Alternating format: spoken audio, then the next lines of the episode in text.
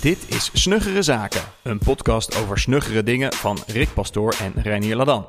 Elke week bespreken we een snugger ding, zodat wij, maar vooral ook jullie, onze luisteraars, er snuggerder van worden. Begin je week goed met Snuggere Zaken. Hey Rick. Hey Renier. Hi, uh, ik heb een artikel gevonden van Paul Graham. En Paul Graham kun je kennen van Y Combinator. Dat zegt jou natuurlijk wel wat. Zeker. Het is een incubator in New York, als ik goed heb. Of niet? Nee, is het Silicon Valley? Silicon Valley, ja? Oh, in mijn hoofd zit al New York. Oké, ik weet niet waarom. In ieder geval in Noord-Amerika ergens. Ja. Waarschijnlijk in Silicon Valley. Ja. Ehm, en, en het is een, eh, een eh, incubator voor startups. En daar kun je je aanmelden. Dan krijg je een soort van ja, drie, eh, een, een, een- een stoomcursus startups. Drie maanden coaching en alles. En dan Een zak geld. Nou, dat valt wel mee. Voor mij krijgen ze niet heel veel geld. Ze krijgen genoeg geld om het eh, daar te, te doen voor drie maanden. En aan het eind van drie maanden is het demo day. En dan kunnen ze investeerders ophalen. Mm. En dat doen Y Combinator slim, want die investeren dus niet per se geld. Die investeren tijd en energie en een soort eh, platform. Eh, maar daarmee halen ze wel een aandeel binnen. Ja. En er zijn best wel wat startups uitgekomen. Airbnb, Stripe, Dropbox, Twitch, Zapier. Hebben we het een, een paar afleveringen geleden over gehad. Heel kort, heel kort maar Zapier. Eh, en nog veel meer. Dus dat is een nou, eh, redelijk succesvolle startup incubator. Eh, Paul Graham eh, is eh, ook de uitvinder van Graham's Hierarchy of Disagreement. Wauw. Heb je die gevonden? Nee. Dat is een piramide. En naarmate je eh, de piramide naar boven gaat, eh, kom je in een steeds geraffineerdere vorm van discussiëren terecht. Met meer respect voor degene waarmee je het oneens bent. Dus hij heeft op de bodem heeft hij, eh, staan een. ehm, wat, hoe zegt hij dat? Op de bodem staat name calling. Dus eh, je, je bent het met iemand oneens en dan noem je hem gewoon you're an idiot. Nou, dat is de, de, de, de bodem van eh, Graham's hierarchy. En eh, ergens bovenaan staat dat je iemand een- oneens bent en je legt uit waarom je het oneens bent. En eh, je, je komt echt tot het punt van waarom je het oneens bent. Nou, zo. Dus als je het met iemand oneens bent, denk dan eens aan Graham's hierarchy. En plaats jezelf niet aan de bodem. Wat grappig, ik ken het helemaal niet. Staat, ook, staat het op zijn site? Op de Wikipedia heb ik dat gevonden. Oh. Ja, ik weet niet of het op zijn site staat. Ja. Ehm, en hij heeft Grappig. een artikel geschreven en dat heet Having Kids. Ik weet niet of dat al genoemd had, maar zo heet het artikel. Nee, Having ja. Kids. En dat gaat over zijn verhaal over ehm, hoe eh, het krijgen van kinderen ook te maken heeft met zijn persoonlijke productiviteit. En hoe die omgaat met zijn werk eh, en, en, en alles. Ehm, en ook vond ik grappig om te lezen, want ik was het er, ik, had het niet per se. Maar hij zei: Before I had kids, I was afraid of having kids. Mm. Is het, ik, ik heb het wel eens van andere mensen gehoord, of die zijn nu nog steeds, die hebben geen kinderen en die, zijn, die vinden het een beetje spannend en eng en zo. Had jij dat voordat je kinderen had? Eh, Ja. ja. Dat, je vond het een spannend iets? Ja. Ja, nou, hoe, hoe, hoe kwam dat? Wat vond je er spannend aan? Nee, ja, wat ik, wat ik dus eh, me best wel vaak heb afgevraagd van tevoren is, ja, kan ik, kan ik dat wel? Maar, de verantwoordelijkheid dragen voor een kind. En eh, hoe werkt het dan? En ja. ja, gaat het dan niet gelijk allemaal mis en zo? En ja, dat, dat, ik heb me dat best wel eens afgevraagd. Ja, oké, ik kan me dat voorstellen aan, maar ik ben dan zo nuchter om, dat, dat ik om de wereld omheen bekijk en denk, iedere grote idioot kan kinderen krijgen. En het gaat ook nog eens, ze houden ze ook nog eens in, in leven, Ja. die kinderen. Tuurlijk gaat het wel eens mis, maar zelfs de grote, idi- grootste idioten kunnen gewoon succesvol kinderen opvoeden. Ja, maar Ja. Een, deel van de, een deel van de punten die jij eh, eh, aandraagt, eh, en daar gaan we dan zo meteen natuurlijk verder over hebben, maar ja, mag ook impact het heeft op je leven, ja, ja. ja. daar was ik, daar, ook daar was ik van tevoren best wel zo van, oké, weet je wel, wat gaat er dan gebeuren met eh, de tijd en met, mijn, eh, met alle dingen die ik eh, graag nog naast mijn gezin wil doen en Ja. weet je, hoe gaat mijn leven eruit zien? ja, ja, ja. En ja, Daar was je ook echt al mee bezig voordat je een kind had. nou, ik, wist wel, ik dacht wel van, oké, als het, weet je wel, als er een kind gaat zijn, dan, ja, dan gaat mijn leven er wel totaal anders uitzien, ja. Ja. En daar dacht ik wel, zo, daar, nou, dat hadden we het best wel vaak over, ja, hoe, hoe eh, vinden we, wat vinden we er eigenlijk van? En eh, Ja. eh, hoe ziet het dan uit? Ja, oké. ja, ik heb daar gewoon minder bij stilgestaan, terwijl het best wel impact had op mijn leven. Zeker, ja, ja. ja. ja. Oh, maar dat was voor jou dus niet een ding van tevoren. Nee, nee. Ik, ik, ik, ik kan af en toe best wel eens pessimistisch zijn of zoiets. Of kritisch. Maar ik ben ook heel vaak van, ah, het komt allemaal wel goed. Dat Hm. heb ik ook wel gewoon Hm. in me zitten. Hm. Ja, en Hm. dat is vooral met kinderen. Dat vindt ze weg wel. Hm. Kom wel goed. Hm. We redden het wel. Ook een soort van avontuur wat je, eh, waarvan je toch niet weet. Dus ik heb dat ook. Je, je weet dat het anders wordt. Maar heeft het zin om je erover druk te maken? Nee, het heeft geen zin om je erover druk te maken. Mm. Want je weet toch niet precies wat er gebeurt. Ja. Ja, dat is meer eh, zo, hoe- ik er toen over dacht. Oké. Eh, hij geeft wel een beetje een rare reden aan waarom hij eh, is veranderd in dat standpunt. Hè, before I had kids, I was afraid of having kids. De reden was namelijk, hij kreeg ze. Dus ik weet niet wat er precies vooraf ging, van waarom hij dan wel kinderen wilde, maar hij kreeg ze en daar ging door, zegt hij. Ik geloof dat niet helemaal, want ik had het, maar dat is mijn eigen beleving. Hij zegt, ja, er gingen stoffen. Er veranderde eh, Fysiek iets. ja, bepaalde chem- chemische stoffen veranderden in mijn lijf toen ik voor het eerst dat kind zag. Eh, dat had ik niet per se. Nee, ik weet had jij Nee, dat? nee, nee, nee, nee, nee, dat kan niet. Maar toch hoor je dat wel bij sommige mensen. Ja. Dat ze, eh, eh, het eerste moment dat ze het kind zagen, Pam. was het anders. Misschien was het ook wel gewoon omdat ik het wel leuk vond om Mm. uiteindelijk vader te worden. Tenminste, dat vond ik toen eh, er een zwangerschap was. En dacht, nou oké, dat, dat, dat wordt misschien ook wel leuk. Dus ik had wel gelijk een soort van warm gevoel eh, bij het hebben van een kind. Maar ik had wel pas, eh, en dat was een paar jaar later, toen pas kreeg ik een enorm verantwoordelijkheidsgevoel. Dat had ik niet gelijk. Mm. Ik voelde me wel verantwoordelijk. Maar ik had wel een soort van up-level een paar jaar later. Toen ik ineens twee kinderen had. En die, was, die, die tweede was toen ook al een jaar of zo. En toen had ik ineens, toen begon ik me ineens, na, begon ik ineens na te denken over überhaupt de toekomst en pensioen of zo. Of in- eh, gewoon eh, sparen, geld sparen. Ah, ja, ja. Dat, dat, dat drong pas toen tot me door. Wat ik wel grappig vond, dat hij ook omschrijft dat hij zeg maar op het moment dat hij zelf een kind eh, had, dat hij ineens zich ook heel veel zorgen ging maken over alle andere kinderen die hij zag. Ja, En, en eigenlijk, eh, ehm, dat herken ik in die zin minder, omdat ik had eigenlijk altijd voor, voor Noren, mijn dochter, dat ik dacht, dat ik alle kinderen dacht, oké, let op je kind, want er gaat helemaal mis op een speeltoestel of zo. En dat ik dan ouders heel chill erbij vond staan. Dat ik dan dacht van, nou, dat- weet je wel, hoe kun je hier zo relaxed bij staan? ja, En dat ik nu, eh, dat, ik, dat ik nu dus me meer realiseer hoe dat dan eh, is. Dat je, dat je nog steeds eh, wel helemaal, ehm, dat je helemaal aan het opletten bent, maar dat je, Ja. dat je niet per se iemand telkens hoeft vast te houden. Ja. En ook dat het heel vaak, gewoon, bijna altijd gaat gewoon goed. Dus eh, ja, dus op microschaal heb ik dat ook. Maar ik denk, hij bedoelde denk meer op macroschaal. Dat ik heb, en dat was ook niet gelijk toen ik mijn eerste kind had. En gelijk in de eerste week of zo. Maar later heb ik wel meer besef gehad dat iedereen op de wereld is een kind. En heeft ouders. En kan uiteindelijk zelf misschien wel kinderen krijgen een keertje. En dus dat ik veel meer empathie heb ontwikkeld voor überhaupt de mensheid. En dat ik Mm. ook veel sneller aan het janken ben bij een film of zo. Oh, echt? Ja, ja, ja. Heftig. Dat, dat duurde dus een pa- paar jaar. Dus Ja. misschien komt dat nog bij jou. Dat duurde bij mij na de geboorte van de eerste duurde dat drie à vier Ja, jaar. dat weet ik nog niet. Maar ja, ik, eh, laatst keek ik eh, Inside Out, die Pixar film. Ja, ja. Nou, heb jij die gezien? Ja? Nou, als die paarse, paarse olifant wordt achtergelaten. Nou, ik, ik kon niet Ik meer. Stoppen met huilen. Gewoon de hele, ja, het hele vergankelijke van eh, eh, onschuldige jeugd en zo zat er in die paarse olifant en die ging weg. En Oh. de emotie, eh, lang blijheid geleden. ging door. En het was zo'n mooie parallel met van alles. En ik zat er te kijken met mijn kinderen en ik moest, ja, ik moest gewoon ik, tranen. Met tuiten. Ja, dus ik ben Ja, wel... vind ik mooi. Ja, Weet dus, je, je bent, vind je dan ook dat je, dat het je mooier, dat heb je een mooier mens gemaakt? Vind je ook? weet ik niet. Ja, is dat mooier? Ja. Echter. Echter, wat is echt? Dat, eh, mooie term hoor ik, maar ik, ik trap daar niet in. Nee, Die termen. nee, maar ja. is, is het zo dat je dan nu meer dan dat gevoel Ik kan alleen dat maar dat beschrijven de wat dat... oppervlakte ligt of zo? Dat, dat je het hiervoor niet had, of had je het hiervoor helemaal... Nou, ik, ik, ik eh, ben me gewoon meer gaan beseffen dat eh andere... Ja, dat klinkt wel heel erg psychopathisch, maar dat andere mensen gewoon ook pijn hebben en zo. Dat had ik natuurlijk ook wel gewoon. Maar dat is nog, nog verder, zeg maar. Dat is, Ja. ja, dat gewoon ook... Oorlog is gewoon echt gewoon heel erg. En dat wat er gebeurt in eh, Syrië en zo, dat, dat, dat raakt mij gewoon veel meer dan dat dat eh, tien jaar geleden mij deed. Ja. Ja, dus hij, zegt, Ja, hij geeft als ja. voorbeeld van, eh, hij reed dan met zijn kind van het ziekenhuis uit. En toen kwam hij bij een zebrapad en er staken mensen over. En Ja. ineens was hij, oh, dit zijn ook mensen. Precies. Ja, klonk ook voor mij Ja, in dat daarvoor reed hij met, met Ja. 80 eh, maal per uur reed hij zo... eh, reed hij gewoon overheen. ja, maakte hem het uit. Nou ja.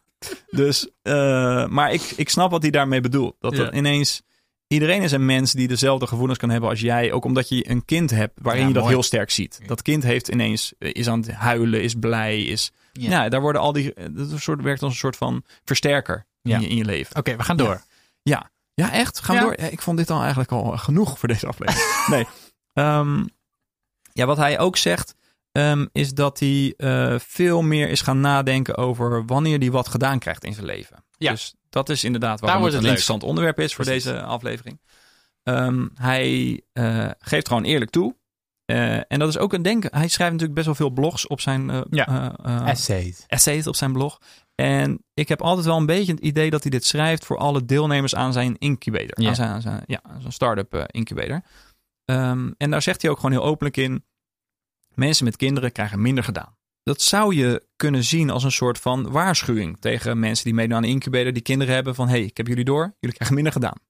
Maar ik denk dat je er wel een ander soort rijkdom mee krijgt. En dat schrijft hij, ik weet niet of hij dat letterlijk schrijft, maar dat voelde ik ook wel een beetje. Hè, omdat hij ook zegt van nou, ik ging ineens uitkijken voor die kinderen Hm. eh, op dat zebrapad.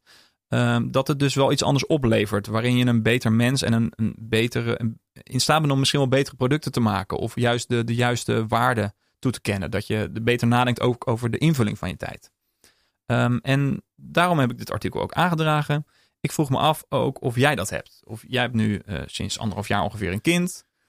Eh, hoe heeft Ja. dat jouw leven... Ja, jouw leven is sowieso een beetje een, in, in, in een turbulentie gegaan afgelopen jaar. Ja. Dus dat komt niet per se door het kind en zo. Maar Nou, het heeft er wel degelijk mee te maken. Nee, maar ik, ik, het, kan, het kan me in die zin ehm, wel binnen, omdat eh, dat je gewoon, hij zegt ook van ja, je hebt gewoon maar, je hebt gewoon maar bepaalde tijdsblokken waarin je werk kan doen. En, En die zijn eh, ook nog eens onduidelijk en die zijn, wanneer die zijn. die zijn ook, wel- ook nog eens onduidelijk, maar hij zegt ook van ja, je kind opereert gewoon op een schedule. Dus eh, beter ga jij ook op een schedule opereren. Want hiervoor hoefde dat niet. En nu moet Ja. dat. En Ja. dat is eigenlijk wel grappig. Want wat mensen heel vaak tegen mij zeggen is van ja, eh, als je dingen in je agenda zet. Ja, hoe doe je het dan als je een kind hebt? Want die heeft. Maar dan, dus ik las dit en dacht ik, ja, dat, dit- ik, hier ga ik wel op aan. Omdat, omdat het natuurlijk helemaal mooi in mijn straatje past. Van je kind heeft gewoon een ritme. En daar heb je aan te. Daar moet je je aan Ja. con- conformeren. Dus Ja. je weet gewoon, oké, dan gaat ze slapen. Dan moet ze eten. En daaromheen kun je misschien wat dingen doen. Ja. Maar heel vaak ook niet. En, eh, en ik, ja, dat is, dat is ehm, ehm, wel interessant, omdat ik ben me best wel vaak afgevraagd, wat deed ik met al mijn tijd voordat ik een kind had? Want in, in mijn hoofd nu is het echt gewoon een zee van tijd. Weet je, dat je, de dat je gewoon Ongelooflijk. alle avonden, je hele weekend, gewoon, dat je gewoon kon doen wat je wilde. Hè? In plaats van nu dat je om acht uur denkt, nou weet je, we, eh, kind is op bed, huis op orde, nou laten we eens wat gaan doen. En dan is ook ongeveer bedtijd. ja, dus- eigenlijk al gelijk bedtijd. Ja, ja precies. Ehm, maar wat hij ook omschrijft, is je wordt wel effectiever in de tijd die je hebt. Dus je weet dan, oké, ik heb nu anderhalf uur. Omdat het ook moet. Omdat het ook moet, want je, want je moet ook goed om jezelf Ja. denken en om je rust denken. Ehm, maar het, eh, het raakte me ergens wel dat hij zei van ja, je, je, je, ehm, eh, je ambitieniveau, weet je, je kunt gewoon minder doen. eh, in iets. Hij zegt van ik doe wat ik moet doen, ik doe genoeg. Maar eh, het is niet meer zo eh, als hiervoor, dat je gewoon wekenlang kon doorhalen, elke avond op kantoor. Ja. ja, dat is anders. Is ook niet per se gezond. Ook al heb je helemaal geen niet per se gezond. Maar wat ik wel, ik, misschien heb ik wel eens eerder aangehaald, maar ik vind het toch wel weer relevant. Dat is een stuk van James Clear over de Four Burners. Heb ik al eens eerder genoemd misschien? De Four Burners Nou, Theory. misschien niet in de podcast, maar ik ken hem uit een blogpost. Die, eh, ja. De Four Burners Theory is eigenlijk dat, ehm, eh, dat je vier ja, pitten hebt. Ja. Eh, dat gaat dan om oh, familie, vrienden, werk en gezondheid. Ja. En hij zegt, nou, je kunt er je kunt ze niet alle vier Ja. op vol gas.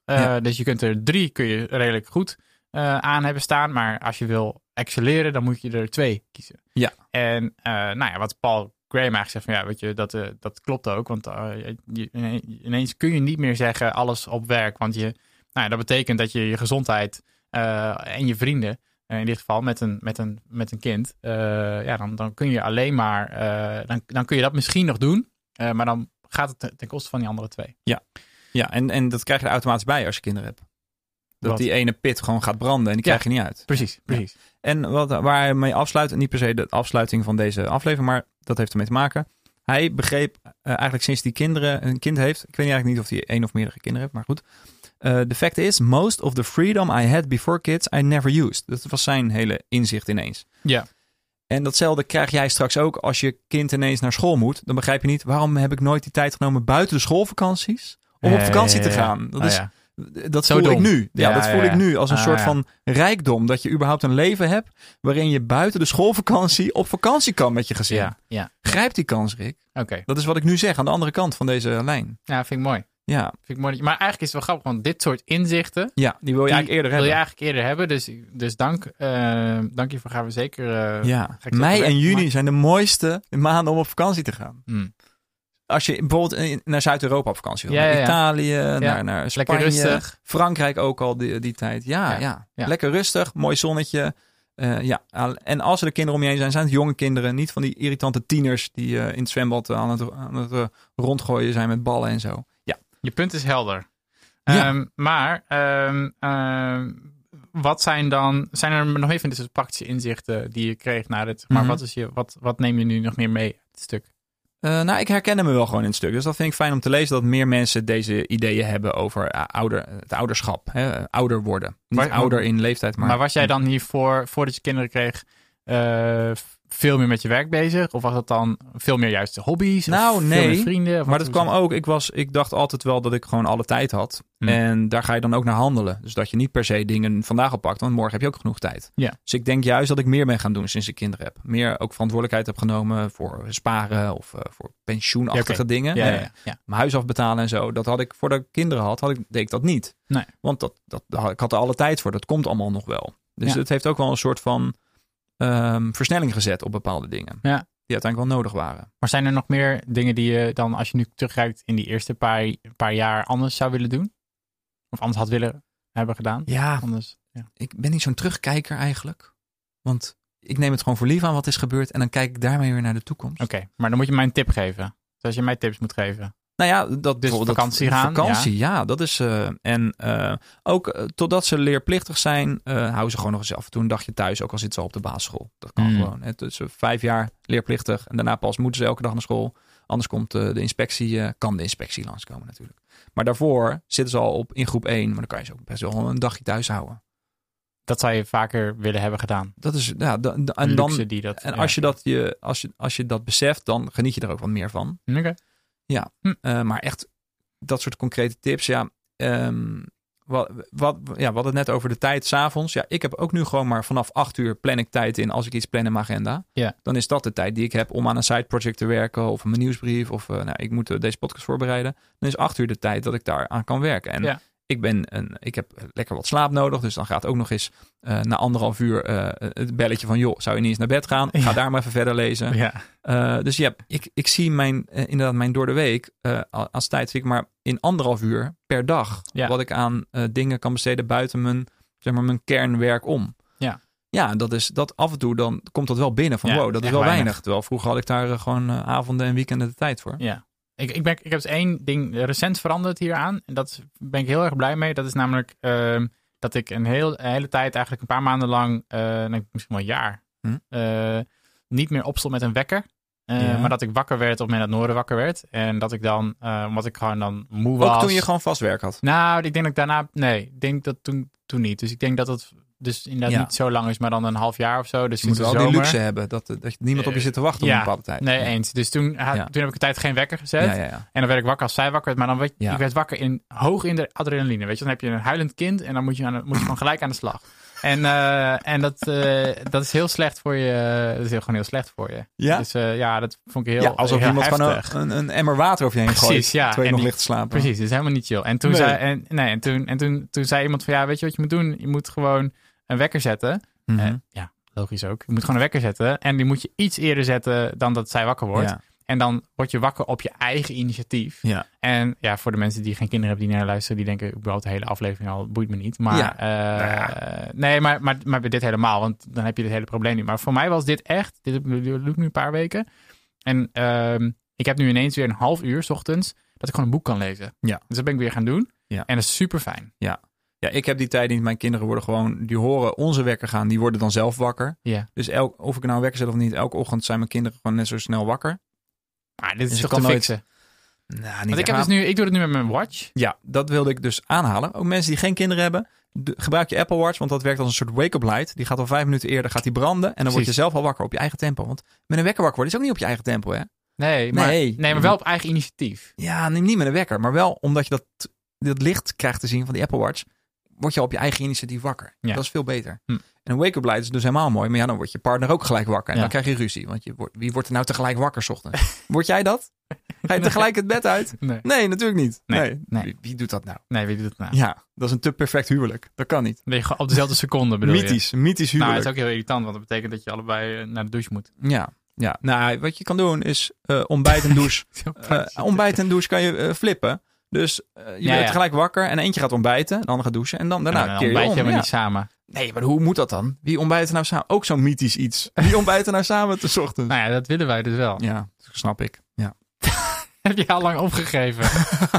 Nou, ik, heb, ik, ik zie het niet als een soort doel of zo. Nee, ik ontbijt eh, in het weekend wel. In het weekend ontbijten we ah, oké. eh, Nee, samen, dat wil ik door wil de week niet. Ik, ik wil, ja, dat wil ik eigenlijk wel. Ja, goed. In, door de week schuif ik ook gewoon mijn bakje muesli in een paar minuten naar binnen. En dat is het ontbijt. Daar hoef ik niet per se helemaal voor samen te zijn of zo. Nee. Hm. Nee. Hm.